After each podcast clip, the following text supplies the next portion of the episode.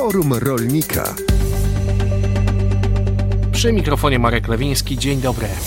Krajowy Ośrodek Wsparcia Rolnictwa, Agencja Restrukturyzacji i Modernizacji Rolnictwa, a także Polska Agencja Żeglugi Powietrznej podpisały list intencyjny dotyczący wykorzystania dronów w rolnictwie. Mają pomóc w precyzyjnym udokumentowaniu tego, co się dzieje na polu, aby rolnicy mogli dowiedzieć się, w jakim stanie są ich uprawy. Drony mają być wykorzystane także m.in. w celu sprawowania nadzoru nad spółkami rolnymi, które są w gestii KOWR-u dla zoptymalizowania realizacji potrzeb rolnictwa, w tym kontroli nieruchomości spółek zasobu własności Rolnej Skarbu Państwa.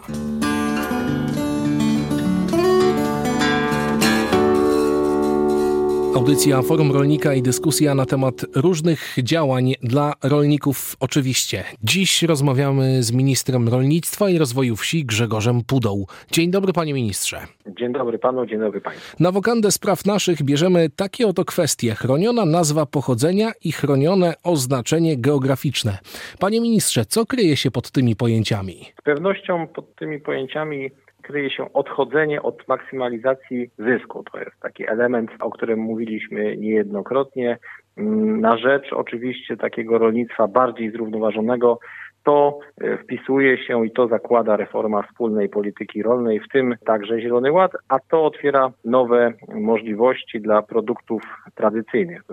Ważne, że wpisuje się to również w politykę jakości Unii Europejskiej i jest jednym ze sposobów realizacji tej polityki w postaci ochrony nazw produktów za pomocą tak zwanych oznaczeń geograficznych. Czyli rozumiem, że mamy do czynienia z oznaczeniami, które informują konsumenta, tego, który chce kupić dany produkt, o pewnej specyfice i o jego unikatowości. Zgadza się? Tak jest. A jednocześnie, co ważne, dają ich producentom taką ochronę przed nieuczciwą konkurencją. Warto też dodać, że w unijnym systemie regionalnych i tradycyjnych produktów zarejestrowane są w tej chwili 44 polskie produkty, ale ta lista jest otwarta i liczymy na to, że niebawem pojawią się nowe. Warto w tym miejscu też dodać, że bardzo istotnym elementem tych systemów oznaczeń geograficznych jest zapewnienie wysokiej jakości produktu, która potwierdzana jest w drodze kontroli. Tutaj dzięki systemowi ochrony oznaczeń geograficznych producenci żywności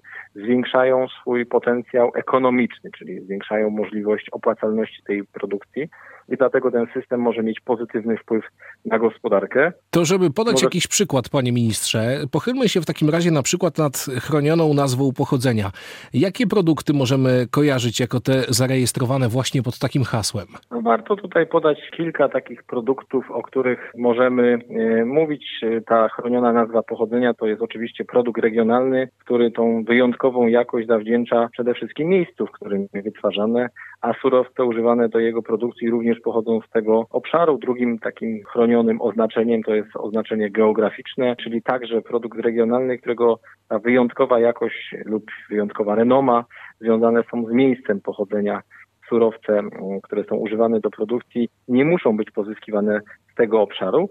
I trzecia ważna, gwarantowana, tradycyjna specjalność to taki produkt, który swój tradycyjny charakter zawdzięcza co najmniej 30-letniej historii wytwarzania. Jeżeli chodzi o polskie produkty zarejestrowane, jeżeli mówimy o na przykład y, nazwie pochodzenia, to tutaj brędza podhalańska. Pewnie oscypek, oscypek, właśnie oscypek. Tak, y, redykołka. Mamy tutaj też możliwość wymienienia wiśni nadwiślanki, y, czy miód spadziowy, podkarpacki miód spadziowy, karp zatorski. To są takie nazwy chyba wszystkim znane, których nie trzeba reklamować. Jeżeli chodzi o te produkty, które są związane z chronionym oznaczeniem geograficznym, to mamy tutaj na przykład miód wrzosowy z borów dolnośląskich czy e, rogal świętomarciński. A jeżeli chodzi o e, przykład gwarantowanej tradycyjnej specjalności, to spośród wielu produktów zarejestrowanych przez Komisję Europejską aż 10 pochodzi z Polski. Są to na przykład miody pitne, olej rydzowy tradycyjny, E, czy kiełbasa jałowcowa staropolska, kiełbasa myśliwska staropolska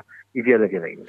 No panie ministrze, ale co tu dużo mówić, taka mm, żywność pochodzenia tradycyjnego, taka żywność regionalna, taka żywność właśnie, e, która pochodzi z mm, zakładów y, prowadzonych z pokolenia na pokolenie, na pewno będzie droższa. Pytanie, czy konsumenci są w stanie zapłacić więcej, żeby dostać produkt lepszej, pewnej jakości? Tak, właśnie mamy badania, które pokazują, że konsumenci, którzy chcą nabywać te produkty, są w stanie zapłacić większą cenę za pewną jakość, za pewne miejsce pochodzenia, są świadomymi odbiorcami tego, co zostało wytworzone w tym regionie. A jaka jest łączna wartość sprzedaży produktów, które są zarejestrowane w systemie jakości żywności w Unii Europejskiej? To jest w ogóle jakoś szacowane, panie ministrze? Oczywiście, tak jak y, każde inne zarejestrowane y, rodzaje działalności, możemy tu mówić, że wartość sprzedaży tych produktów w systemie jakości żywności szacuje się w Unii Europejskiej na około 15 miliardów euro. To mniej więcej odpowiada około 2,5% wydatków na żywność w całej Unii Europejskiej. Gościem naszej audycji, gościem audycji Forum Rolnika był dziś minister rolnictwa i rozwoju wsi Grzegorz Puda. Panie ministrze, dziękuję za tę rozmowę.